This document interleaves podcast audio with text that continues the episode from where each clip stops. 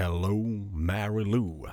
Det brukar jag alltid testa mikrofonen med. Av någon anledning just den sången varenda gång. Ah, just det. När jag kopplar i. Så. Jaha, Det, det, jag, brukar, jag brukar vara mera, jag brukar vara lite, det här är lite farligt, men det, jag brukar vara lite gangsta.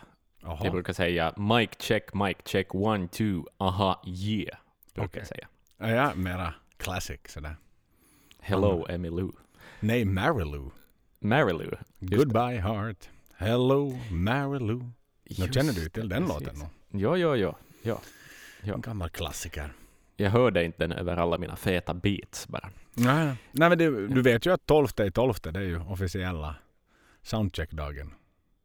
Aha, ja förstås. One, two, One, one, two, one, two. Givetvis. ja. Och den är vi ju Ja. strax förbi nu. Ja, jaha, vad, vad är anledningen att vi nu sitter här? Nå, vi har ju ett uppdrag att, att slutföra Mhm, ännu. Det har vi. ju. Vi har, vi måste ju ge både hat och kärlek antagligen i form av en liten julklapp åt våra lyssnare. En topplista, Mm, typ. Exakt. Det är, inte, det är inte en regelrätt topplista, men för det går inte, det varierar från dag till dag. Men vi har åtminstone väldigt säkra kategorier. Har vi. Det har vi. Det har vi. Och i samband med den här listan så, så kommer vi att publicera pyramiden i sin helhet. Så för er som, eh, som ser pyramiden först så blir det här mer en förklaring. Hur kunde de? Mm. till. Så ni, ni får en förståelse till varför det blir som det blir. Och, och om vi nu har, jag vet ju att vi får ju hela tiden nykom, tillkomna lyssnare. Mm. eh, som vi märker hela tiden och ser i statistiken också. Så, så lyssna nu inte på det här avsnittet som första avsnitt. Nej. För det här är Stäng av nu. Nu stänger ni av. Ja, ja, nu stänger ni av och så går ni in på, på, på de avsnitt, albumavsnitten helt enkelt och tar dem i, kanske inte i kronologisk ordning utan jag skulle nog föreslå att ni tar dem i den ordningen som vi har gett ut dem för vi liksom lär ju oss mera allt eftersom och så Mm. går vi kanske tillbaks till föregående avsnitt som kanske inte har så mycket att göra med egentligen föregående album nödvändigtvis heller eftersom det kommer Nej. skivor som, som, som inte ligger liksom näst i tiden eller längst bak i tiden då, utan det kan bli en lucka där mitt emellan. Så, så det smidigaste Mm. är nog liksom att följa, följa med vår poddresa på det sättet som vi, som vi har gett ut dem också efter utgivningsdatum. Så då, då hänger ni bäst med i svängarna i alla fall. Exakt. Exakt. Men vi har ju varit flera, flera, flera gånger in och naggat lite vid både kommentarer i sociala medier och, och, och inte minst lite i podden också att, att det, det Mm. finns någon typ av... Det är en pyramid. Jag vet inte varför det just blev en pyramid. No, men det var väl för att vårt sista avsnitt var Powerslave antagligen. Ehm, men eh, det skulle väl kunna vara något annat. Men en pyramid känns bra. Samtidigt är det en väldigt ologisk pyramid för att den är liksom inte tyngst i botten. Det är en ensam skiva längst ner Mm. i pyramiden. Så det, de bygger ju inte upp strukturen av pyramiden. Men, men såklart det ska vara en pyramid. Det är väl klart jag. det ska vara en, Det det, måste vara en pyramid. Det måste vara en pyramid.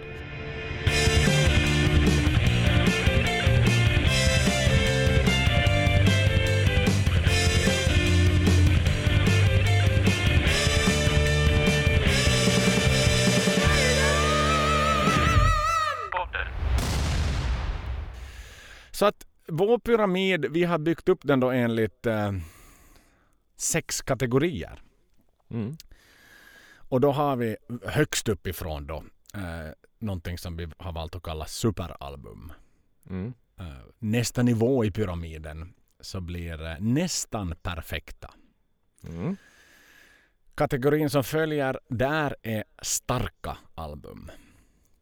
Följt av bra album. Följt av eh, följande kategori gångbara album. Mm.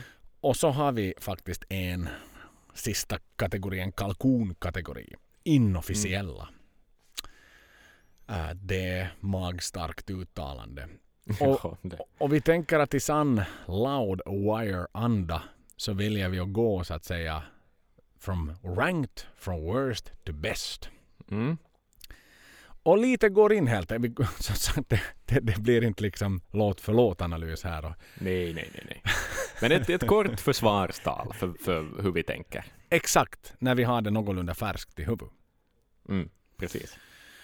Och om vi nu bara ger oss i kast med det här så, så den lägsta kategorin, det vill säga inofficiella, den rymmer enbart en skiva Axel. Bara Mm. en skiva ryms där. Vilken skiva och varför i din mening? Mm, där hittar vi ju förstås, och jag säger förstås, X-Factor. Det är väl nog den enda skivan som kan hamna i den kategorin. Det är en vattendelare, folk älskar den, folk hatar den, men jag skulle ändå våga påstå att fler hatar den. Det Jag har ingen statistik Ja, nej, på det, men, men Nej. jag känner det på mig. Mm. Eh, den är, det är en samling halvfärdiga idéer av ett album skrivet utan den entusiasm som Steve Harris vanligtvis sätter in i sin musik. Eh, den är långsam, tråkig, tung, deprimerande. Ehm, nej, det den, och den ger inte mig lyssningsnjutning. Liksom. Där skulle jag säga det. Mm. Ja, men du sammanfattar ju det ganska väl. Och den, är, den tog länge att producera. Den är Ja, den låter dåligt också. första skivan utan Martin, är Nigel och Steve som har producerat den tillsammans. Steve var med och producerade med Martin på slutet också. Det ska vi liksom aldrig förneka heller. Nej. Men, men Blaze var ny. De skrev låtarna tillsammans med Blaze och därför gavs den ut. Liksom. Det tog, de tog tid på sig i studion. Den var, den var producerad väl, om jag nu inte minns fel, också i Barnyard Studios, det vill säga Steves hemmastudio. Även den. Mm. Mm. Precis som uppföljaren. Men den var krystad. Den var utgiven under en tid när brittisk heavy metal, brittisk hårdrock var extremt under isen. Maiden var redan vinklippta när de kom in i den här eran. Mm. Och, och, och tyvärr, de fortsatte bara att sjunka. De fortsatte Ja. bara att sjunka. Så att det, det är nog bara så. Jag, jag, mm. det, den är en tuff skiva och, och, och vi, vi är ganska hårda i vår, vår låtanalys på det avsnittet också. Så att Mm. Vi lämnar den där och jag, jag, jag är faktiskt nu så brutal att jag, jag, jag skulle faktiskt inte ens kalla den en officiell utgåva av Iron Maiden. För det är så många parametrar som saknas ur mitt Mm. Iron Maiden som jag känner till mitt Maiden och som jag vill ha mitt Maiden. Så är det Mm. som en mystisk bootleg hela den här skivan. Minus det stora, stora undantaget Sign of the Cross naturligtvis. Exakt, exakt. Jag hade just tänkt säga det. Och det behöver vara sagt. Så Ja. Jo, så är det. Det. så Mm. att den skivan bär inte överhuvudtaget, utan den drar ner. Hade vi inte haft den skivan så hade den inte... Ja, men då hade vi kunnat ta bort en, en, en nivå på pyramiden lätt. Ja, det skulle vara en snyggare pyramid utan den skivan faktiskt. Ja, man skulle få med en symmetri i, i skivorna. Ja. Så den inofficiella kategorin, den är avverkad. Det är där Why I have to die, why can I not live on, så att säga. Den Mm. cannot live on. Den ligger längst ner i katakomben i pyramiden. Så är det. Vi hoppar upp en nivå tycker jag. Gångbara. Och där, där har Mm. vi fyra, fyra skivor som vi har placerat in under den kategorin. Kanske börjandes mest chockerande kanske. Ja, vi gör ja. 86. 86. Somewhere in time. Mm. Nå, Ja, jag är nog ännu överraskad över att den hamnar dit, men den hör nog hemma där. Alltså gångbart, absolut, det, det håller jag, fra, vidhåller jag. Eh, somliga dagar kanske jag skulle säga bra. Um, sådär, det beror lite på, men i det stora hela så är det nog dit den landar. Den har det ikoniska omslaget, visst, den har Wasted Years, den har eh, en episk låt som många vill ha mera av tillbaka, eh, Alexander the Great och så vidare. Men den är också en, ett trött album av ett ganska eh, energilöst band vid det här laget. Och, och soundmässigt också lite sådär tam och, och eh, jag vet inte, den är inte så levande och, och känns lite statisk ibland och, och sådär att, jag vet inte. Det, det är konstigt att den hamnar i den kategorin, men samtidigt kan jag inte sätta in den någon annanstans. Mm. Yes. Nej, men man talar om att uppföljaren till den det är Maidens enda konceptalbum. Men när jag funderar lite på det här igår kväll så, så är det här, det här är ett konceptalbum. Men ett Mhm. konceptalbum om syntgitarrer. Ja. Och, Ja. och, och det är också att den är så isolerad med sin syntgitarr. För det var ingenting. Det fanns inte någonstans någon vilja att ta med sig det på nästa skiva. Utan det var Nej. här det stannade. Inte fastnade på mig den heller. Utan fuck it. Vi är slutkörda. Vi, vi testar. Vi är på toppen av världen nu. Vi har råd att göra det här utan att tappa Mm. vår kredibilitet. Så Det är sant. det är helt okej att ta det här steget och göra vår Lulu. Egentligen om man kanske det är lite väl magstarkt. Okej, men det, var, lite- det var lite vilt. Men, det är ju men liksom, fortfarande jag, jag heavy kan, metal sådär försök till det. Men, men de är ju så, jag lyssnade lite bara skumma igenom den skivan som snabbast. Alltså de är ju så dominanta de här syntgitarrerna. Ja, ja, de är så tydliga Mm. i mixen. Det är nog, men alltså, för alla er där ute som undrar hur en Roland GR 700 låter, så skulle jag rekommendera den här skivan. Den är, det är ett bra exempel på det. Mm. Så är det. Sådär. Och, och låtmaterialet. ehm, Wasted Years är en klass för sig. Fantastisk låt, såklart. Men Mm. det är någonstans det... Den låten kommer isolerat från World Slavery Tour. Det vet vi alla. Ja. Liksom den skrevs Ja. på grund av den tuffa, tuffa turnén de hade. Heaven Can Wait är en rolig eh, live-låt. Ja. Eh, Observera live-låt tycker jag om. Eh, för den, för Mm. den har sina passager när man får sjunga med och det blir liksom lite fotbollsarena av det.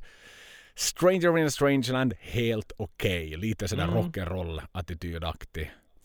Ja. Eh, Some Caught Somewhere in Time, helt okej i alla fall öppningsriffen Mm. är lite sådär, det är lite spännande. Mm, vet du, Så här doft Japp. syntriff. Du, du, du, du, du, du, du, du. Men Alexander, no, med tanke på att vi i senaste avsnittet pratade om Rhyme of the Ancient Mariner så är det ju nog lite som den här no, kusinen som, som kanske inte riktigt kom in på de här Ivy League-skolorna i jämförelse. Ja, Så att den går ju inte att mäta sig med, med, med nej, det nej, nej, nej, Man kan inte. Man kan inte. Det är natt och dag. Det är natt Mm. och dag. Så att den, den blir och den, den, den förblir där. Lite platt. Den, den, den är Mm. ganska jämn men den sticker liksom inte riktigt ut åt något håll. Nej, nej, exakt. Ja, ska vi, ska vi bara mm, i rask takt Det gör vi. Det gör beta av den här Mhm. pyramiden. Så vi, vi håller oss i, i eh, kategorin gångbar, då andra nivån av pyramiden, och till vänster om eh, Somewhere in Time så hittar vi då alltså No Prayer for the Dying. Mm. Vad ska vi, va, varför är den här då? Nå, alltså på sätt och vis så sätter jag den, lite som jag snackade om, om eh, X-Factor, att den lider lite av en idéfattighet. Jag skulle också sätta liksom No Prayer for the Dying i, i den kategorin. Den är lite idéfattig och den är lite identitetslös. Den är en downgrade från albumet som kom före. Och eh, ja, den, den, min, jag minns inte så mycket av den, annat än Holy Smokes av någon anledning. Mm. Hooks Som in inte är en särskilt bra låt. Hooks in you. Okej, Hooks in you är kanske det starka kortet på den skivan. Mm. Men inte är det heller någon odödlig hit. Liksom. Nej, nej det är det ju inte. Det har ju lite med att göra. Det, det var det enda Adrian så att säga han är med innan han gick in i hisschaktet så att säga. Exakt, precis. Och sen, nåja, sing, number one-singeln som Bruce skrev för sitt soloprojekt naturligtvis ligger ju som en, som en Ja. Filt där sådär. Det kan man ju aldrig ta bort från dem att de hade sin enda brittiska etta. Men den var ju som sagt inte ens skriven för Maiden. Nej, nej. Utan Steve behövde ha ett starkt kort på den här skivan. Jag tror att Steve kanske till och med in, insåg att han behövde ha någon, någonting som, som pleasar the crowd och kanske sticker lite utanför deras mest lojala fanbase. Liksom att, Mm. Men sådär. passar fortfarande in med hela jeans och läderjacka-grejen. sådär mm, också, sådär. Mm. Men jeans och läderjacka på 90-talet, I don't know. Jag vet inte om det funkar. Det var inte rätt move, skulle jag säga. Nej, och, och, nej, men den är ju också, än en gång, det, det, det är lite nästan som på ett sätt sådär lite så pass opolerad kanske som Maidens första skiva. För, för Mm. Maiden igen tryckte nog ganska rejält på reset-knappen här. Spandexen bort, bort på 80-talet. Nu jävlar var det dags liksom att ge sig i, i, i clinch mot, mot trashen som verkligen höll Mm. på liksom att äta in sig och, och, och totalt dominera. Egentligen primärt amerikanska band som höll på att ta över liksom rockscenen Mm. på den tyngre sidan då, då, då så att säga på den här tiden. Så att, äh, mm, nej, det, det är ju det där lite sorgliga någonstans Mm. hoppet också. Mm. Och Bruce börjar sjunga argt och. Och, och, och sådär. Mm. Vissa, No Pray for the Dying-låten är ju ganska vacker, tycker jag. Jag Mm. vill minnas att den, Ja. den, den var. Men just uh, Better Watch Out. Och, och Ja. sånt här liksom. Som, som vi håller som så roligt då. Ja. Så att nej, den, den faller ju nog där den också. Artworken hjälper nu inte riktigt till heller. Nej, nej, nej, nej, det gör det nog inte. Ja, Så där, Nåväl. där blir den. Vi uppåt ska vi, större eller-. Vidare ska vi. Vidare ska vi och då, då tar vi bara ett steg till i, i, i den kronologiska ordningen uppåt här faktiskt. Så att vi håller oss i, i, i helt samma. Det är Janiks andra skiva denna gång. Och Martins sista bidrag till Maiden. Uh, Desto snyggare albumfodral. Skivan vi pratar om Definitivt. är naturligtvis Fear of the Dark. Gångbar lika så. Ja, gångbar. Um, uh, ja, jag får ju ändå glada minnen av vårt samtal om den här skivan. Mm. Eh, för det var, ett, det var ett av de absolut roligaste avsnitt vi har gjort, tror jag. Det var det. det, var Ehm, det. Ja, och det, men okej, men och det är liksom, om vi glömmer bort den biten och bara snackar om varför den är här, så no, no Prayer for the Dying, Fear the Dark, eh, jag ser dem som ganska lika album. Kanske något mer polerad i min värld, Fear of the Dark. Ja, sant, sant, sant, men den har det här mörkret och den här ilskan på något sätt ändå kvar, eh, som, som påminner om det, men den lider också av den där idéfattigheten, skulle jag säga. Den är också en ganska identitetslös platta. Den har ju den här nationalsången på sig, som ju förstås är viktig, men den, det finns liksom inte en helhet runt den, utan det är en serie halvdana Maiden-låtar. Sådär. Och, en, och bandets enda riktiga ballad eh, också. Sådär. Exakt. Exakt. Om, om ett lustigt tema. Ja. Så att, eh, ja. Mm. A Kick-Ass öppning, Be Quick or Be Dead, Afraid to Mm. Shoot Strangers. eh, en helt okej låt live faktiskt och den passar ju Blaze väldigt bra. Mm. Men, men eh, vissa sådana här, alltså ög, den, den har format mig väldigt mycket liksom. Så att, ja, ja, det här var väl lite av en sån skiva som jag ska vi säga innan Maiden-podden högaktade ganska mycket just på grund av att den hade mycket sådana här Joel 18, Joel 19 år från i Australien minnen. Du minns jag återkom ofta Ja, till det exakt. i avsnittet. Så att den har väl lite sådär kanske cloudats av, av det att jag, jag, jag höll den väldigt liksom safe på något sätt och väldigt så Mm. högaktade den. Men nu bygger vi vår pyramid. Jag ska väl ändå villigt säga att eh, den kunde nog hamna halvvägs upp i nästa kategori. Mm. Skulle jag väl säga. Men, men om jag nu, nu kan inte liksom kapa halva skivan och sätta halva Nej, skivan nej. på ett ställe. Så då är det nog ändå så att det liksom lite mera stenar än vad det är ballonger i den så att säga. Så ba- ballongerna hissar inte hela vägen upp den så stenarna Nej. håller den nog lite lägre ner. Så att lite över 50 procent av skivan faller under, Precis. faller i den här nivån vilket gör att den landar här. Lite för mycket folklorister i den eh, ballongen helt enkelt. Ja, exakt, exakt, exakt. Det var, ja, de kunde ha släppt några och låtit några stå kvar på marken så, så hade Mm. nog debatten hållit ändå. Exakt. Ja, vi har en till i kategorin gångbar. Mm. Och vilken må det då vara Axel? Ja, eh, föga överraskande säkert för någon. Eh, Virtual Eleven, Blaze andra playa. Snyggt där. Tack att du räddade mig. Virtual Elevens, exakt.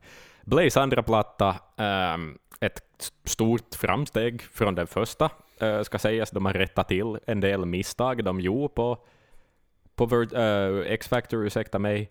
Den har ju starka Blaze-låtar, den har uh, Como Estas Amigos, som jag tycker att är en väldigt fin låt, och, och förstås Clansman och, och, och så vidare. Det där, men, men jag menar, den tyngs ju ner av allt som är ovanför den i den här pyramiden, och den hör inte hemma någon annanstans. Jag kan inte sätta in den någon annanstans än just igångbara Mm. kategorin. Nej, och med tanke på grannarna så, så är det ju där den ska ligga. Så enkelt är det ju. Det hade ju verkligen varit en skymf någonstans mot grannarna om den hade stigit, stigit mm. någorlunda högre upp. Lägre ner ska den absolut inte utan det, det är precis som du sa, det är ändå en, en ut, väldigt liksom för Blaze del och för den här, jag var mycket inne på när vi pratade med X-Factor om den här ostkupan som låg på. Att det var så mm. vi skulle behandla Maiden när vi pratade ja. X-Factor. Och lite sådär om vi nu gör en, en sån dubbelostkupa så att det, det är liksom två, två ostar. En är mm. damer och en goda som ligger liksom under den kupan. En sån här familjeostkupa. Så det är klart att det här är ett stort utvecklingsprojekt i, i ysteriet Blaze Bailey Goes Maiden. Liksom smakupplevelse på ett helt annat sätt. Och man, har, man har blivit tryggare i rollen helt enkelt som, som ostmäs, ostmästare helt enkelt. Och, mm. eh, men precis som du säger, liksom, inte, inte sticker den ju iväg som någon raket upp i himlen liksom och bara alla är mind blown över att fan vad har Maiden nu riktigt gjort? Mm. Så att den mm. förtjänar sin plats där den förtjänar sin plats i vår pyramid. Det är inget snack om saken. Även om uppdateringsmässigt, låtmaterialmässigt, Blaze låter stabilare. Bandet låter någorlunda mer motiverat på den här skivan. Mm. Och Clansman. Som i min värld nog är en bättre låt än Sign of the Cross. Så, så, jo, så, jo, jo. så nog är det ju liksom av de två eposerna så är den ju helt klart mest, mest liksom i min, min, min, mitt smak och tycke bättre, vilket ju också gör att den sån här solid håller sin plats här. Mm, exakt. Så det, kategorin gångbar är alltså överstökad. Då går vi in i följande kategori bra album och då börjar vi ju ändå snacka liksom definitionen bra album. Då är vi ändå nöjda. Ja, exakt, precis. Ja, viktigt att komma ihåg. Mm. Viktigt att komma ihåg, ja. Ja, um, Ska vi ta den med det fulaste omslaget eller den med det näst fulaste omslaget? Den med det fulaste. Okej. Okay. Dance of Death är den första vi nämner i kategorin bra album. Um, det är ju en tung skiva med, med mycket musik och mycket doldisar. Montsegur har vi ju snackat om som en klar favorit, men också trista hittar i form av Rainmaker till exempel. Mm. Um, som, som den är väl liksom lite hälften hälften. Den är hälften försök till radiosinglar och hälften progressiva, liksom, uh, med, med, progressiva ambitioner, ska vi säga. Um, och det är kanske lite, lite det som gör det. Men den har ändå, den har Passiondale, den har Montsegur, eh, grymma låtar. Dance of Death förstås. Dance of Death förstås, exakt. Det är en väldigt teatralisk och väldigt berättande och häftig skiva äh, är det nog. Um, no mm, More Lies Men omslaget, omslaget säljer den dåligt. Jag tyckte alltså. om No More Lies också. Den är ganska explosiv ja. i sin refräng och sådär. Mm, exakt.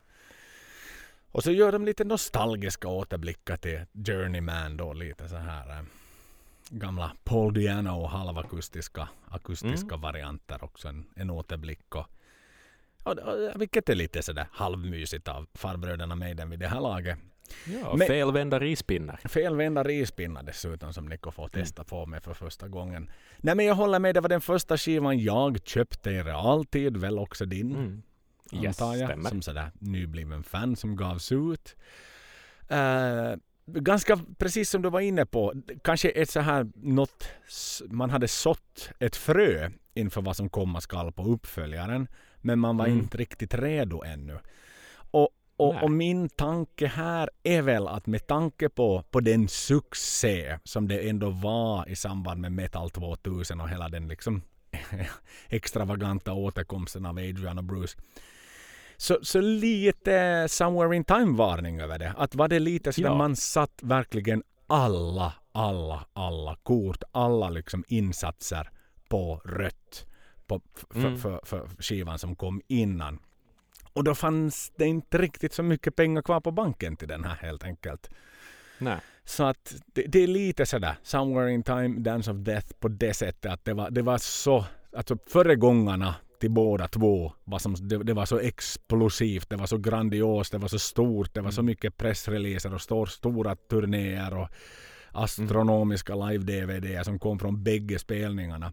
Så att nej, det räckte inte, ångan räckte inte riktigt hela vägen fram. Även om, som, sagt, som du sa, starka bidrag finns det ju med ja. här. Och, och ändå har ju sått, sått det här fröet för vad som komma skall så att säga framåt i tiden för album och sådär. Att man, man lite Mm. experimenterar och, och, och vågar bli lite vuxna. Japp, Så den, exakt. den ligger bra där och det är ett bra album, det ska vi inte glömma bort. Nej, det ska vi inte. Följande patient, debutskivan Axel. Exakt, exakt. Um, jo, ehm, den hamnar ju där kanske främst av anledningen att dess efterföljare är, är bättre, sk- skulle jag säga. Mm. Men det är ju också en ikonisk platta. Eh, liksom så mycket klassiska grejer, men det är också ett, ett väldigt ungt band som inte helt har hittat, hittat allt ännu. Att det är den där, vi får den där punkigheten och den där liksom street creddiga Maiden på debutplattan, men vi har också små tillkortakommanden som, som ju ändå produktionen kan man ha åsikter om. Och Will Malones, ska vi säga. Exakt, icke-insats. Mm. Eh, precis, vi har Dennis Stratton med oss förstås, så det är ju inte, vi har inte det här ikoniska soundet som vi får sen. Nej, det är ju inte ett helt färdigbakat Maiden som är, som är här. Nej, precis, exakt. Och, och därför hamnar den där. Alltså, men som vi ska konstatera nästan efter varje album efter det här, vilken kategori de hamnar i, det är ändå ett bra album. Mm. Nej men helt rätt. Phantom of the Opera. Mm. Helt klart liksom al- albumets mest lysande kärna. Den att, att han, så ung Steve, lyckas skriva en så komplex låt. Mm. Eh, Men som, precis som jag var inne på, en, en halvmotiverad producent och Maiden var verkligen i behov av en producent i det här läget för att de hade bara varit på nyårsafton i Soundhouse Studios och mer eller mindre bandat en demo själv. Så att de hade ju Ja. ingen erfarenhet från studion heller innan. Utan enda erfarenheten de hade var från pubscenerna och de kunde låtarna så i fingerspetsarna. Men de hade behövt, man märker verkligen att studioovanan inte riktigt finns med och kanske inte, okej hur väljer vi låtar, hur ska vi sätta den här och den här och Mm. den här och den här med. Att det här just blir vårt debutalbum. Ett bra Ja. album, men ett, ett debutalbum, vet du, you can't blame them for that. Nej, nej, så är det ju. Alltså, det är ju mera, de har ju inte suttit sig ner för att skriva ett album då de gjorde albumet. Nej, och det ligger säger, de ju har inte liksom- det de har. Asko, vad heter han, som, som ändå har hjälpt till med i Idols-domarna som ingen av, eftersom vi har Exakt. 90 procent av våra lyssnare inte kommer att känna till Idolsdomaren Asko. Det är inte liksom så det svenska Idol. Men liksom du vet, det är ju inte sådär att det är en supergroup eller sådär att du har haft en stjärnproducent som har sitt en, en oslipad diamant och vet du. Nu tar jag er under mina vingar. För ännu, de var ju inte under någons vingar vid det här skedet ännu. Nej, nej, nej, exakt. Eh, ja, precis. Så att, ja, det är en debutskiva och en, debu- En bra debutskiva debutskiva. är sällan den bästa skivan. Men en bra Liksom. debutskiva. Så är det, definitivt. Sista i den här kategorin då Axel. Bra album. Mm. Oh, här har vi eh, en Alien Eddie som manchar Mycket på någons ör. omdebat- debatterat omslag. Exakt. Som jag sa, ska vi börja med det näst fulaste omslaget eller det fulaste? Mm. Det här är då alltså det näst fulaste. Mm. Final Frontier, den här comic book-grejen. Eh, ett väldigt bra album. Alltså uh, Where the Wild Wind Blows, såna grejer. Eh, Det första albumet väldigt- vi pratade om.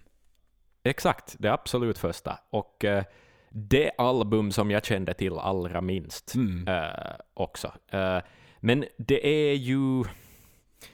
Det, det är precis som vi konstaterade då vi pratade om det, att det är lite försvunnet, det här albumet.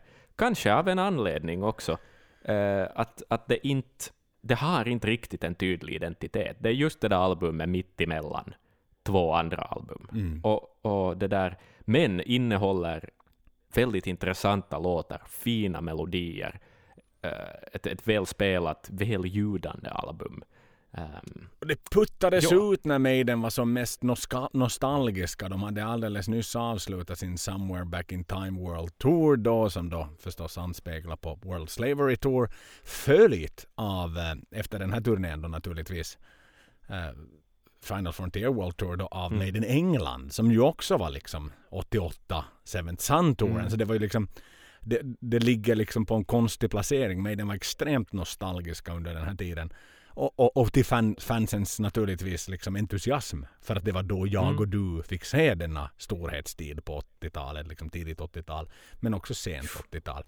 Så, så naturligtvis är vi glada att vi fick återuppleva det. Men, Mm. men jo, den föll nog ganska i glömska. Det, det håller jag med om. Men, men igen, här är det ju nog progressiviteten har man ju tagit från då upp liksom skivan som kom innan vidare. Det är mycket experiment med ljud och, och mycket liksom långa, långa låtar. Man, man, det här verkligen man har satt i, i liksom fabrik nästan. Att nu, nu, nu, nu ger vi inte ut en låt som är kortare än sex minuter nästan. Nej, Liksom nu, nej, nu, nu ska alla låtar vara långa. Och, och nu har vi inte så bråttom mera. Blir det en dubbelskiva så blir det en dubbelskiva. Utan vi skriver det vi vill skriva och vi berättar vår historia. För vi är så småningom i slutet av vår, vår karriär här. Så att, eh, bra, bra, många riktigt intressanta Talisman, Wild Wind Blows. Och, men också en del lite märkliga kort. Jag kan aldrig komma över introt Satellite 15. Punkt, punkt, punkt, Final Frontier. Liksom det, det bara Janix Rapländer. Jo, Ja, det, det är ett exakt. Jätteknasigt intro liksom. Och det är då Kevin då som är etablerad för tredje gången här, så fjärde gången till och med som, som har någonting att säga till om. Men en, Ja. en doldis. Och det var väl det som var anledningen att vi valde att putta den framför bussen av alla resenärer som vi ändå hade med oss. Alla 16 resenärer. Mm. Så puttade vi ut den här först för vi tänkte att men, det är ingen som egentligen bryr sig om vad vi säger. Vi är rookie-poddare. den här skivan. Vi är rookie-poddare. Vi kan offra den här tidigt. Ja, märkligt nog har folk fl- fler åsikter om X-Factor än den här skivan Mm. på något vis. Mm. Ja, Men Nej, observera, sant. bra album likaså. mm. Jaha, vi har några till. Nu går vi in i ganska tunga kategorier. Starka album. Mm. Och det här är starka album. Jag vill verkligen understryka det. Var börjar vi Axel? Ja. Modernt eller klassiskt, vad säger du? Det är valet är helt ditt. Det är dagen innan dopparedagen. Så det vet du, make a wish. Då väljer jag klassiskt, tror jag. Härligt. Ehm, Peace of Mind. Starkt album. Oh, ett så starkt album med det ikoniska omslaget som är så snyggt, så snyggt, så snyggt. Åh, det är så svart och gult. Det är, väl, det är en fin färgskala det här. Mm. Peace of Mind, ja. Ehm, den har ett enormt starkt uh, musikaliskt innehåll och många roliga låtar. uh, Quest for Fire till exempel, och mycket entusiasm. Um, en ganska kort platta, också en ganska lätt att ta till sig, ett, ett effektivt kraftpaket och förstås Nikos första platta, som ju ikoniskt även inleds med hans trumslag. Och ja, fan i mig, alltså det är en bra skiva. Eh, anledningen till varför den inte är högre upp för min egen del så skulle jag kanske säga är soundet. Det Att det är lite ljudet. det burkiga ljudet, eller det mm, liksom det är lite som att det skulle vara draperat i kuddar. Mm. Att det är lite för mjukt på något sätt. Mm, lite värderad cell. Exakt. En värderad cell. Precis. Ja, det, det är väl ungefär mina e- extremt kort sammanfattade tankar Mm. om uh, Peace of Mind. Ja, men det är en Mm. stor, stor uppdatering. Eller ett stort steg från Number of the Beast såklart. Det, det var ändå här Bruce andra album. Han var mera trygg i rollen. Han fick börja skriva musik. Mm. Nico var, precis som du var inne på, nyintroducerad. Kompetent trummis på ett annat sätt. Lite mer skolad Mm. trummis än vad föregångaren var. Ehm, ett väldigt professionellt album. Ett väldigt, Ja. nästan sådär Maidens mest Dream Theaterska album någonsin om man tittar liksom till så här. De, de, är, de är duktiga på sina saker och de gör ganska svåra saker. Mm. Och, och vi ska ju inte glömma bort fyra låtar från den här flög med på Legacy of the Beast-touren nu och såklart det mest ikoniska Trooper då kanske ändå, om inte kanske till och med den mest ikoniska om man nu tittar till totalt antal radiospelningar på 2000-talet så, så Ja. skulle jag nästan äta upp min hatt om inte The Trooper faktiskt är högre upp än Run to the Hills till exempel. Nej. Så att, Det är Maidens mest ikoniska låt. jo, det är det nog. är det ju det. Så att Ja. den ryms med där. Så att, nej men, som sagt det är ett jävligt starkt album. Ett jävligt starkt album. Mm. Mm. Mm. Sen då? Då hoppar vi Mera klassiker eller något modernare? Mera klassiker. Mera klassiker. Seventh Son of a Seventh Son. Mm. Ja. Eh, oj, oj, oj, oj, oj. Vad glad jag blev av att se det här omslaget igen och, och tänka på hur mycket fint den här skivan innehåller. Mm. Moonchild, åh, alltså det har lämnat kvar efter liksom att vi har poddat om alla album och så vidare. Det har nog lämnat kvar som en helt klar eh, liksom, topp femma för mig av eh, i Maidens diskografi som låt. Den är fantastisk och det är också hela den här skivan i sin komplexitet och passligt sparsmakade syntar, men ändå liksom ändå en tydlig era av Maiden. Och, och just det här, det här progressiva, det här de växte mot. Um, det är en komplex skiva med rätt sound av ett band som är otroligt duktiga på att spela. Ehm, ja, Mm. det, det, det är nog det. Jo, variationen, det är enda konceptalbumet vet vi ju som, som vi känner till. Och, men just det här man varvar akustiska gitarrer med elgitarrer och, och Steves fingrar smattrar nog oerhört. Och man går tillbaks till vissa element man har lånat i en låt för att gå tillbaka till det i nästa låt. Eh, man, man är, kan vara väldigt långsam. Infinite Dreams, I can't deny them. Och, och, och sen till Only the Good Are Young som ändå är lite någonstans sådär ett hommage till liksom 80-talets galopp Maiden. Ja, exakt. Och, och såklart liksom en, en, en, en väldigt gångbar Seventh Son of a Seventh Son. En episk låt som inte nödvändigtvis dras ut för långt utan den ligger ju i ex perfekt längd. Den ligger Mm. i perfekt längd. Den, går, den klockar inte på 10 plus utan den ligger, ligger en bra bit under 10 minuter. Vilket gör att den hela tiden är intressant. Det är ingen del där heller som är för utdragen. Och som du var inne Nej. på, the most evil motherfucker of them all. Moonchild. Den text och det sätt Bruce levererar den texten på och introt och allt i den här låten. Oj, oj, oj. Vad den är mörk och den är hemsk. Men, men vad skivan är spännande och, och, och hela Mm. konceptet med, med isberg och, och det. Maiden är ju i, någonstans i hög form. De fick vila ut lite på Somewhere in Time för att verkligen ha aptiten kvar igen. Mm. Adrians sista. Adrian ville bara fortsätta med det här tåget och bli ännu mera häftig och ännu mera liksom framåt och, och konstig och rolig och härlig och underbar. Men, men det fick han inte sen på uppföljaren utan då, då var det hela vägen tillbaks till, till No Prayer for the Dying efter det här. Så det här, det, här är, det här är den sista riktigt roliga delen av Maiden så att säga. Ja, det är, den, alltså det är ju sista 80-talsplattan och det är, många skulle kanske säga också att det är den sista klassiska skivan eller någonting Mm. i den stilen. Sådär. Ja, Ja. och det kan jag nog nästan skriva under på. Sista klassiska skivan. Det, det, Ja. Om man då liksom isolerat ser 80-talet som alla klassiska Jo, skivor jo, jo. är det Alltså ju det är slutet av en era. Det är slutet, det verkligen nog. slutet av en era. Som jag kan, i min värld, om jag nu hade fått tyckt till och varit och prodda och lekt lite så, så där, hade det ju inte hade ju sagt nej om jag hade fått lyssna på uppföljaren till Seventh Son i, i den liksom riktning med Adrian kvar i bandet. Det hade varit spännande. Mm, mm. Väldigt spännande, ja, faktiskt. Men nu blev det något annat. Men vi har en, en skiva till i, kategorin starka album. Mm, det har vi. Här tittar en pansarvagn mig i ansiktet. A matter of life and death. Mm, oj, oj, oj. Vi talar om att saker var mörka tidvis på Seventh Sun, men eh, här är det ju mörkt. Genom nästan hela skivan alltså. Den är, det är bandets mest progressiva skiva. Eh, den är en, en skiva gjord för fans som orkar ta till sig den i sin helhet. Men då man gör det så märker man hur mycket bra den innehåller. Men det är också en, det är en tungrodd lyssning alltså på det sättet. Att den, den kräver ditt fokus. Eh, men det är också himla kul att Maiden gjorde en sån skiva. eh, som kräver någonting av lyssnaren, liksom lite extra, för att eh, det, det blir intressant då de får göra det också. Mm.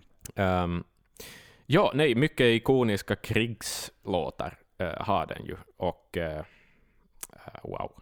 Nej, men en häftig platta, en riktigt häftig platta. Också lite av en doldis nog sådär, att den, är inte den har inte levt vidare kanske riktigt så starkt som, som de andra albumen, men uh, vi har ändå fått höra For the greater good of God och så vidare på, på det där uh, Legacy of the Beast. Den fick sin återkomst uh, där, ändå ja, 15 exakt. år senare.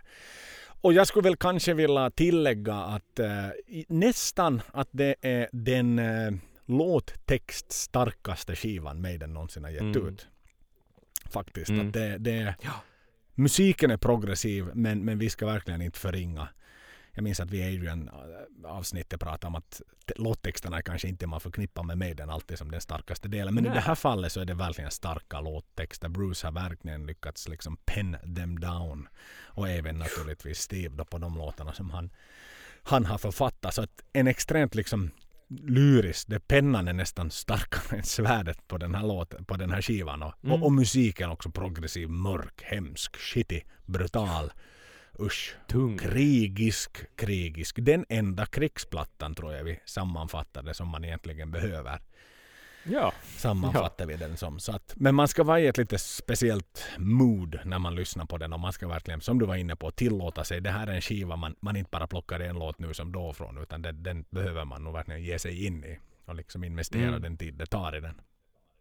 Så ja. ett, ett starkt album helt klart. Och det är kul. Det är kul att det igen, energin fanns lite på ett annat sätt kanske efter Dance of Death. Nu hade man lite hittat vart man ville gå för nu så att mm. säga fick man, fick man köra den delen.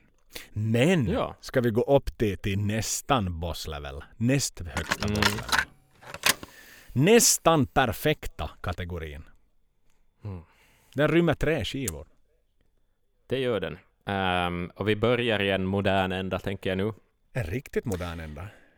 Ja, ja. Den modernaste ändan. Mm. Book of Souls.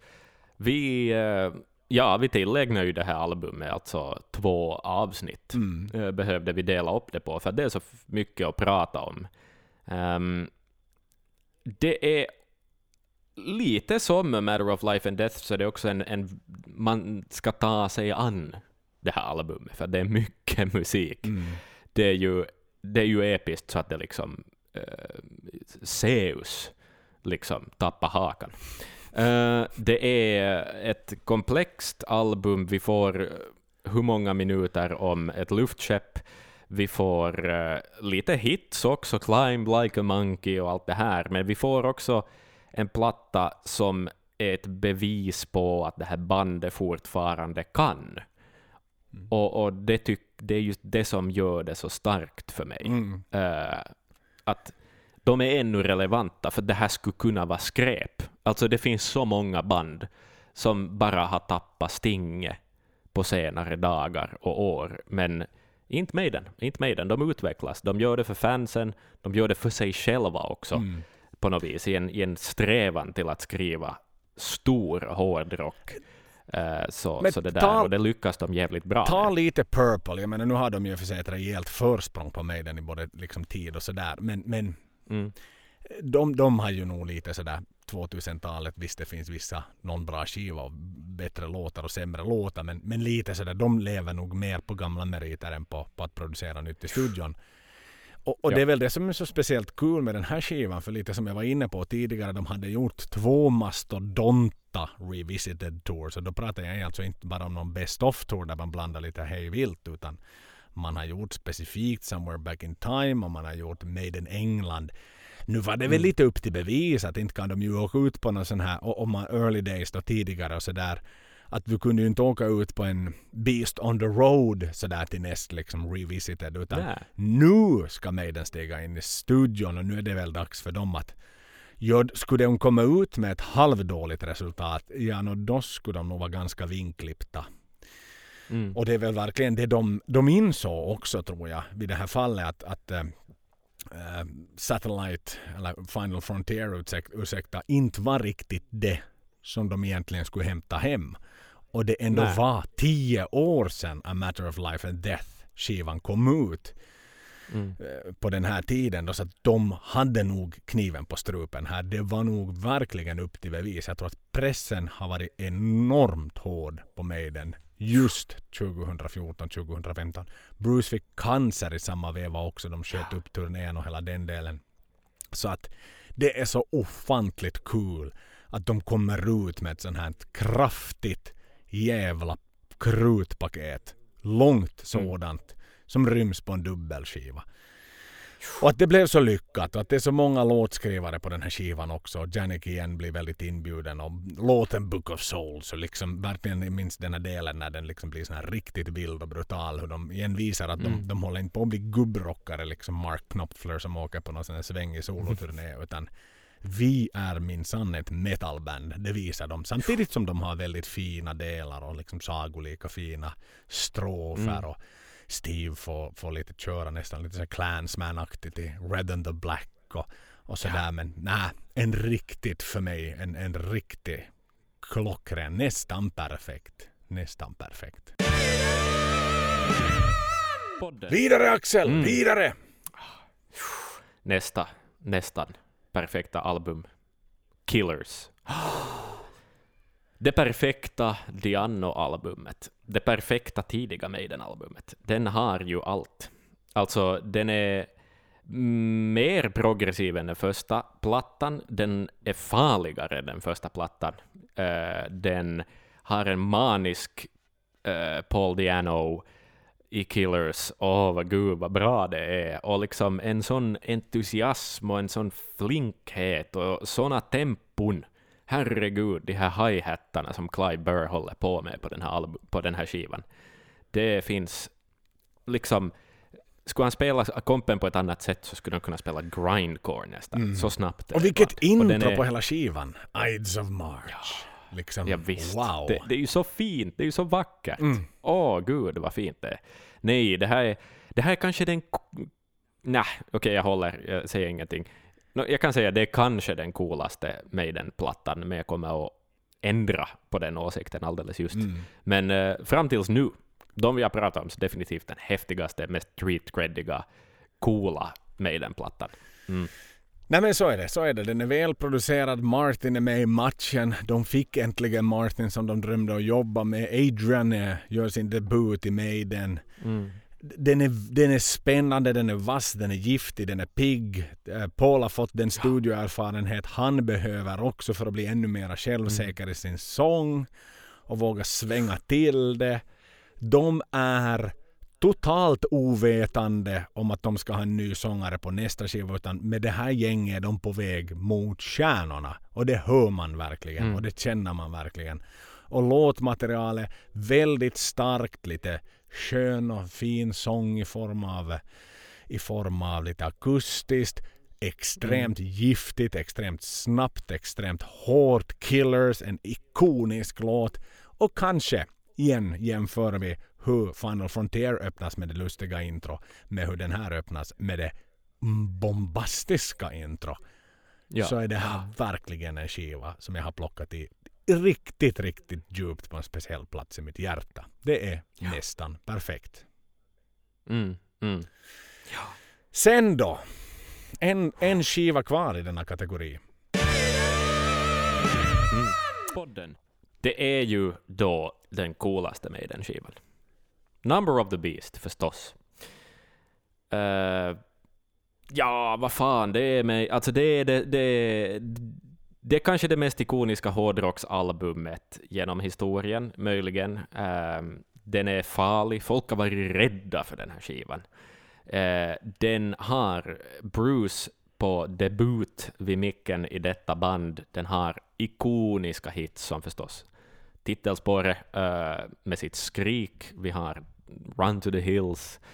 Så mycket klassiker. Alltså det här är ju definitionen av ett klassiskt hårdrocksalbum. Så det. Så det, det är liksom inte, och, det kan inte hamna någon annanstans.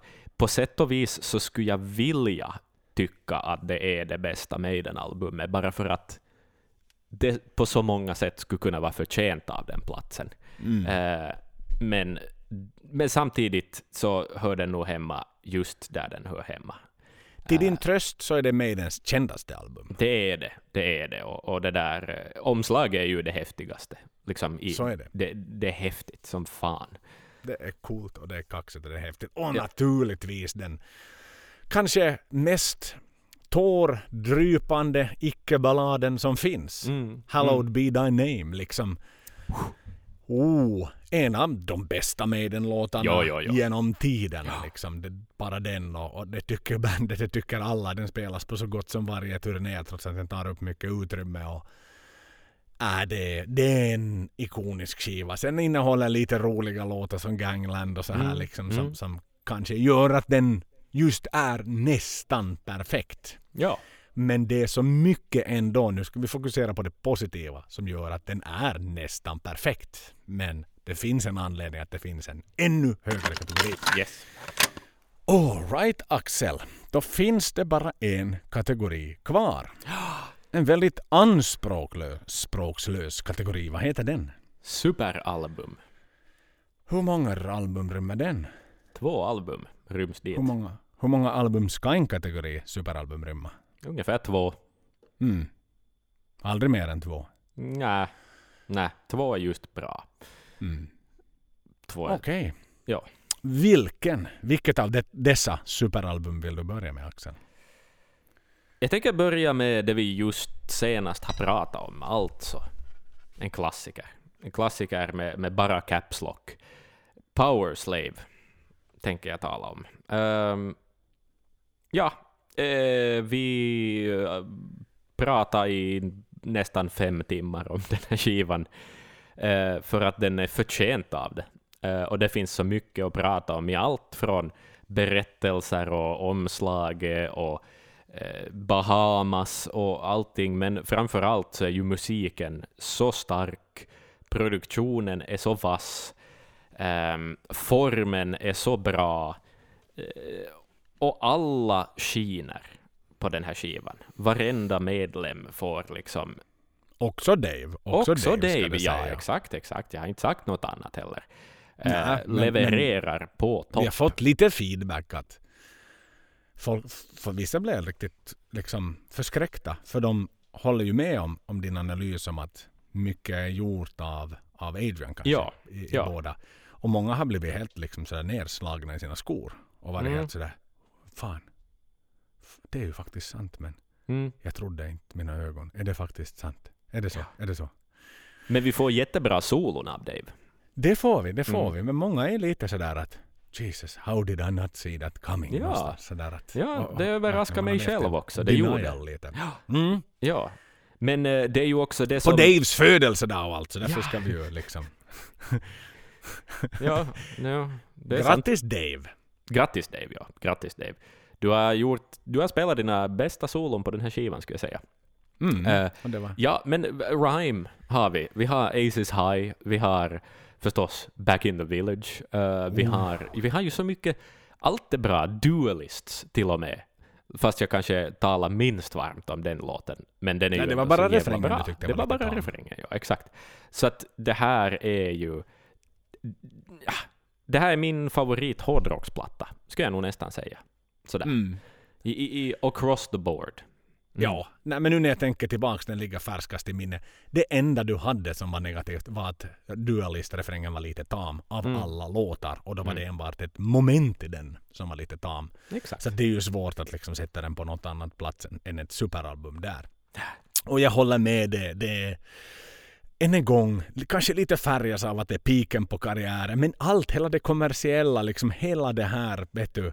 Maiden är ett egyptiskt band tack Mm. vare det här. Det finns en anledning man också i framtiden går in i det här lite eh, som på nästa skiva vi kommer att prata Ja. om. Så åter, liksom återbesöker lite det här eh, egyptiska svängarna i hur man låter och sådär. Att man, man blev lite, man blev lite spännande. Man började titta till utländska, lite orientaliskt, lite egyptiskt sådär lite. Mm, mm. Andra typer av liksom, det var inte bara rätt och slätt heavy metal-ackord och, och, och melodier utan man, man, man lät sig lite influeras av annat. Så Ja. att, och de är på toppen av sin karriär. Jag håller helt liksom låtarna, jag behöver inte repetera det du just sa utan vi har pratat, vi har pratat i fyra timmar och 45 minuter om det alldeles nyligen så att men det är klart, det är klart den ska vara där. Den ska inte vara någon annanstans. Så enkelt är det bara. Podden. Vi har en människa, en människa, ett album till kvar på, på kategorin superalbum. Mm. Åh, vilken människa det är också. Mm. Åh, vi har ett väsen i molnen som blickar Yes. ner över, mm, över Maidens stad. helt enkelt. Ja. Brave New World. Mm. Eh, den är där uppe och kämpar tillsammans med Powerslave. Uh, sida vid sida regerar de den här pyramiden och uh, det är ju ett så stort album. Det är ju ett så enormt tungt, stort, uh, heligt nästan album i så stora melodier, så vida liksom landskapsmålningar som Maiden målar upp med det här albumet. och, och kanske något av, av om inte Maidens bästa melodier finns just på det här albumet. Och I sound, i samspelthet, i förstås hela comeback-faktorn, eh, Rock in Rio och hur fint materialet från det här albumet manifesteras på Rock in Rio, som liksom gör de låtarna till klassiker också. Mm. Väldigt modigt hur mycket de trodde på den här skivan och hur mycket krut de har satt på det här albumet och, och det där. Och det är ju början av den nya eran av Maiden, den Maiden-era som många av oss, som vi två Joel, har blivit liksom, vi har hittat i Maiden pretty much tack vare den här skivan. Yes. Och, och det där, och, och den har Nomad, den har Nomad, den har Dream of Mirrors, den har Brave New World, den har Blood Brothers, den har så många bra låtar. Och mm. Om vi nu kom Wicker in på det där att det enda negativa jag hade att säga om, om Powerslave var refrängen i Duelists, så det är väl kanske Mercenary som drar, som, som är den där lilla låten som jag tycker som jag inte tycker lika varmt om som resten på den här skivan. Men, men det är ju ett superalbum. Det, det är ett av de där albumen jag lyssnar på från början till slut. Och mm. liksom, mm. jag, jag skippar inte en låt och så enkelt är det. Det är världens bästa comeback-skiva. Och, och, och det, det, håller jag faktiskt liksom världens bästa verkligen att, att ta tillbaka sin tron. Mm. För mig den var långt ifrån det. Och det här är vår generations powerslave. Ja, det är det. Det är det. För, för generationen innan de fick ha sin powerslave som sin powerslave. Så det är ju ganska naturligt att det här är då nästa Maiden-generations egna powerslave. Mm, mm. Så det är ju därför de ska regera, sida vid sida, de här två. Det är ett moln och det är så passande. Molnet ovanför egentligen pyramiden, om man då indirekt ser London Precis. som pyramiden. Det, det, det är en ganska matchande sådär. Vi skulle kunna göra det här till någon typ av liksom så här sammansmält artwork. Omslag, ja, med, med Eddie i molnen där ovanför Powerslave. Pyramiden, ja. Så hade mm. det kunnat bli riktigt sådär. Hade vi haft bra Photoshop skills hade vi gjort det. Eller så gör vi så här dåligt med med, men då blir det en meme. Men tjabbigt sätt och billigt sätt att ja, göra det på. Exakt. Nej men som sagt, min favoritlåt, Nomaden, ligger ju med här. och Nej, den är så stark. Och, och, och precis, du var inne på det liksom hur Maiden trodde på det och hur Bruce var så klar och tydlig med att han kommer inte tillbaka av någon nostalgiska anledningar till Maiden. Han kommer för att göra ny musik och det höll hela vägen till låtlistan när man planerar att åka ut på Brave New World Tour så höll man till väldigt många låtar från den här skivan. Man testade till och med låtar som man körde tidigare som man sedan bytte ut mot andra.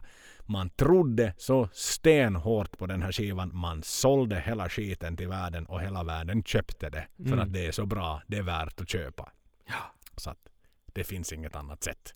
Och kanske det ja. viktigaste, absolut inte viktigaste, men ändå viktigt, den interaktiva wallpapern som kom i samband Den, med det här albumet. Bara det också. Bara det Rods lilla liksom så här. Shall we do something for internet? Mm, exakt. Yeah, yeah! oh, ja, för det var ändå liksom här folk började lite sådär på Winamp. Började man mm. lite lyssna på Maiden också. Ja. Allting var inte bara på skiva mera, även om det var early on och, och de flesta hade CD-skivan. Men de som var riktigt tajta på datorer, de som visste hur man bytte Pentium-processor, de, de fan lyssnade Winamp på den här skivan. Ja, medan de klickar på sin wallpaper. Mm. Medan de klickar på sin wallpaper. Den här musen ännu hade en sån här kula i sig istället Exakt. för att den bara var en sån här lasersak. Så att det är vår, det är vår pyramid. Och, mm. och jag kan ändå säga med en viss stolthet att den här pyramiden är inte bara sådär att in the comments below, list your nej, favorite nej, nej. Maiden albums from top to bottom och så drar man något från röven. Utan det här, det ligger ganska många timmar analys bakom det här som vi har gjort. Så att inte för att låta lika präktig som, som nuvarande presidenten i USA, det här this is the only pyramid. Alla, alla har vi vårt Maiden på olika sätt. Men, men ändå för att, med en liten, liten allvarlig underton, för det är ändå julafton idag, poängtera att uh, det ligger en hel del studier och en hel del analys mm. till grund för varför den här pyramiden, eller kanske julgranen om man väljer att se den som det, ser ut som den gör. Mm. Mm. Jo, jo, jo, så är det. Jag, jag tar inte tillbaks någonting. Det är en självklar pyramid, det är just så här den är. Jag håller med dig Joel, i, i, liksom vi har landat i en fin kompromiss, även om det var få saker, om ens någonting vi inte var ense om. Men, men det där, ja, det är så här de är rankade. Album. Och med det Axel så lämnar vi pyramiden bakom oss. Men vet du vad som är så intressant? Mm. Vad som har hänt nu när Powerslave klingar ut och, och, och, folk har tagit sig sin tid att lyssna igenom det. Det, det. det, har gått, folk har väl tagit det i chunks, vilket jag hade gjort på ett avsnitt som är fyra timmar och 45 minuter. Ja. Sällan man hade i ett liksom, kör. Men vi har börjat få massa feedback från, från den tysta majoriteten. Mm. Människor som inte har hört av sig till oss överhuvudtaget tidigare. Vi har ju våra usual suspects som är med och bidrar med listor och det är ju ni någonstans som har hållit oss vid liv. Så ja. det är ju sådär. Det är ju tack vare er feedback vi har Ja men vi har liksom vänt vår kompass. Vi vet mm. att vi ska segla. Men det är rätt kul. Jag är ju själv, du lyssnar säkert på väldigt många andra poddar som precis som jag och det är ju sällan man sist och slutligen kanske engagerar sig jättemycket i sociala medier och sådär. Jo, man, jo, man jo. prenumererar och så lyssnar man och så är man liksom nöjd så. Men nu, ja. nu i och med att Powerslave löd ut och det var då det 16 albumet av det 16 albumet så, så är det väldigt många och det är väldigt kul cool, som har hört av sig och, och, tycker verkligen att fan grabbar det är nog tråkigt att ni slutar med det här. Mm det här var inte alls något riktigt roligt utan jag har, liksom, jag har lärt mig att, att uppskatta er podd och jag har sett fram emot att ni ni kör på. Ja. Det värmer ju alltså. Wow. Det värmer jättemycket och det är så kul. Jag minns, jag, en gång, jag var så, så helskottas livrädd när vi började och jag var, vet du, jag, när jag, jag var inne på det där, när jag satt ut den där förbannade posten i Maiden Scandinavia FC. Mm. Jag, var, jag trodde okej okay, nu kommer jag att bli så uppäten i kommentarerna. Att, vad är det här för jävla poser som ska försöka liksom bli någon creddig filur liksom på det här sättet. Liksom. Oh, det, det vet du, lägg ner redan ja, innan ja, du ens har börjat. Liksom, nej men lite sådär för, för det är metall och sådär, det kan vara lite elitistiskt. Liksom, ja, och så, otroligt elitistiskt kan det vara. Så är det ju. Och man, så, just det här true opposer, hela, hela allt det här, det, det finns mm. en snårig stig att manövrera sig fram på. Det är det. Men den liksom skara vi har ändå lyft upp i form av lyssnare och den feedback vi faktiskt har fått, den har ju bara varit positiv. Såklart negativ ibland om vi har dissat till exempel en skiva eller en mm. låt och någon har tyckt något helt annat. Men då hade ju mera varit en debatt om folkloristik. Jo, jo, jo. Det är ju en, precis, exakt, precis.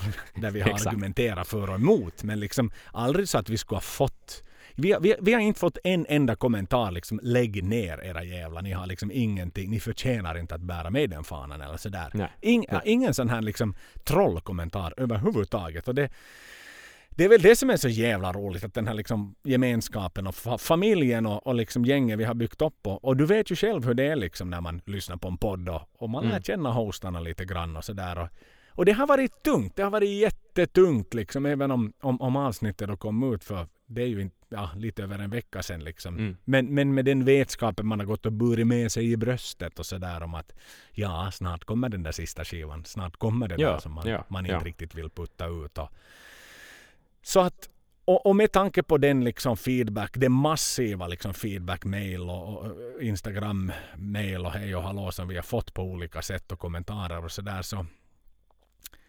Mm. Och det nu ändå finns vissa saker att snacka om. Jag menar, vi, den är ju inte helt slutskriven med den boken, egentligen. Officiellt. Nej, det finns, det finns ju vissa ikoniska saker vi inte har pratat om. Folk kan räkna ut det, det själva, liksom vad det är vi har missat, och folk vet vad vi har missat också. Uh, och så där. Det ska ju sägas att, att före du nu droppar bomben så, så har vi ju varit lite oense om det här, den bomben du ska droppa. Uh, om du nu droppar bomben så kan jag förklara hur oense vi har varit. Men, men det, är, det är ganska lite ändå. Vad är det vi ska göra Joel? Vad, vad, Bomben vad jag droppar är att vi efter noggranna, men kanske inte vi har debatterat häxor Mm. och folkloristik verkligen. Du har suttit Japp. i häx, häx liksom båset och jag har suttit i folkloristikbåset. Exakt. Och vi har liksom skrikit åt varandra lite sådär. Men på ett konstruktivt sätt. Uh, medan Steve då har suttit med sin, sin liksom peruk och domar, Mm. domarhammaren liksom och klubba. Åda, åda, åda. Men vad vi ville komma till är att jag har lite, lite svårt att släppa det här. Och jag har Mm. lite, lite svårt att tycka att vi gör en fullvärdig Maiden-podd. Just på grund av att det är en hel del livemusik. Mm. Vi har Rod Smallwood. Vi har pratat om hans kollega Andy Taylor i vårt Ja. pengaavsnitt. Japp. Som är den mest anonyma som dyker upp i typ en making of dokumentär av hundra. Ja. Men han fick minsann ett eget avsnitt bara för att han startade kontona.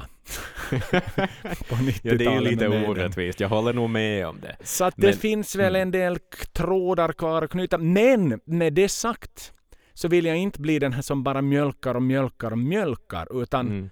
snarare att vi kommer att slå av på takten. Vi har ju Mm. gjort det på vårt sätt. Det är ju inte som att vi har haft någon som har sagt att ni måste gå in varannan vecka och sagt att Joel du måste sluta svära. För du, du, du, du tappar liksom alla reklamintäkter om du svär i podden. Så Exakt. kommer ICA-handlarna att sluta liksom sätta pengar in till er podd. För vi, vi gör ju det här av kärlek såklart. Men, men, men vi slår av på takten. Men vi ger inte upp. Utan vi, vi har lite kvar. Men sen, innan vi blir för patetiska, då, Mm. då är det slut. Vi har Ja. lite kvar. Vi har några avsnitt som kommer att komma. Men, men vi ger ut dem en gång i månaden. Ungefär. Ja, Give ungefär. or take. About. Give När vi får exakt. lust för det. Så det Ja. kommer komma någonting nytt någon gång. Lite nu och lite då. Ja, exakt. Att vi är lite sådär...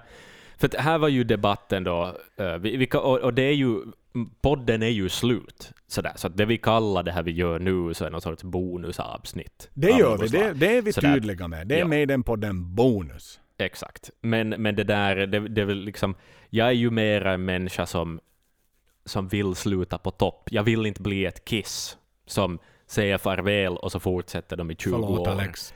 Precis, men samtidigt så, ja, eh, jag, jag, jag finner en, en stor kvalitet i att våga sluta på topp. Och jag har alltid haft en massiv respekt för folk som slutar på topp. Nu är jag ju där, jag har varit på toppen, men nu skurrar vi lite neråt. Men jag är med på släden, Joel. Jag är med på släden nerför backen. Det är helt okej. Nej men eh, vi s- gör så här. Mm. Se det lite som så här mina kära vänner. Nu är det Bruce och Adrian som är på soloturné men spelar någon Maiden cover nu som då. Ja, exakt. Precis. Ja, ja, viljan, det är ju ändå bra det här vi har byggt upp, så helt kan man ju inte släppa det. Precis. Nej. Nej, Utan men vi, du är vi Bruce har- och jag är Adrian och vi, ja, vi möts står- ibland och, och, och reminissar. vi står på en underbart dekadent nattklubb i Long Beach från Ja. och med nu. Det är liksom Exakt. det som är, är syftet från och med nu. Nu är det bort från arenorna. Nu är vi inne på pubbarna igen. Ja, ja. och snackar. Så att eh, jag hoppas ni är okej med det. Ni får naturligtvis unsubscriba när ni vill, men ändå en heads up. Att, men inget slaviskt. Det kan komma lite nu och det kan komma lite då. Det, det är inga onsdagar som gäller mera utan Ja. det, här är, det här är... Nu plockar vi bort alla lagar, nu plockar vi bort alla regler. Nu kan det dyka upp en liten bonussvamp någon gång om någonting som du minst anar. Mm. Och det är väl det som är julens budskap Axel. Man Exakt. vet aldrig vad som finns i klappen. Nej, exakt. Så Och vad det. gör vi herregud om Maiden kommer med en ny skiva här i vår? Ja, och vi har lagt ner hela det här. Oj, Vi måste ju oj, oj. podda om det, jo, jo, jo, men det är ju givet. Så att Så mina vänner, med det sagt, förhoppningsvis är det någon som blev glad. Antagligen är det majoriteten som blev besviken. Ni sa ju att ni ska sluta! Ja, exakt. Någon rockpolis med armarna i kors. Ja, som Eh, skakar på huvudet. Förlåt, säger jag till dig. Ja. Jag vet Ja. hur du känner det. Jag vet hur det är. Eh, jag försöker vi, vi försöker göra det här med heden i, i behåll ändå, men, men det där, jag tror nog, jag tror vi lyckas. Jag tror vi lyckas. Det tror jag ja. Det finns för många comebackband i heavy metal och vi böjde oss någonstans för trycket. För att det finns för mycket pengar i det här. Exakt. Och då har vi stängt ner vår Patreon. Så att er som lyssnar där så, så det, det behöver ni om ni... Jag tror att vi har spärrat alla konton och sådär men, men Mm. eh, självmant ska ni gå in och släcka ner det i så fall om det är så att det inte går allt från vårt håll. Nej, för att nu är det precis. liksom slut på det här mjölkandet. nu ger vi det här bara av öppna hjärtan. Och med det så var det vår lilla jul, julklapp Mm. till de som ville ha den och, och, och, och ni andra får liksom radera oss och unfollow oss bäst ni vill. Och, men lite nu och lite då. Och sen har vi vårt livepodd som kommer här så småningom också. Men den annonserar vi gott och tydligt om i föregående avsnitt och på sociala medier. Så. Då återstår väl att från Maiden-skrubben och från Järnpalatset önska er alla en Riktigt god jul. Eh, och puss och kram och förstås Up the Irons och förhoppningsvis blir 2021 ett år som vi kommer att njuta betydligt mycket mer av tillsammans och tillsammans med Maiden. mm. Sköt om er, ha det gött, var trygga, var smarta, håll er säkra och håll er friska. Hej! Hej då!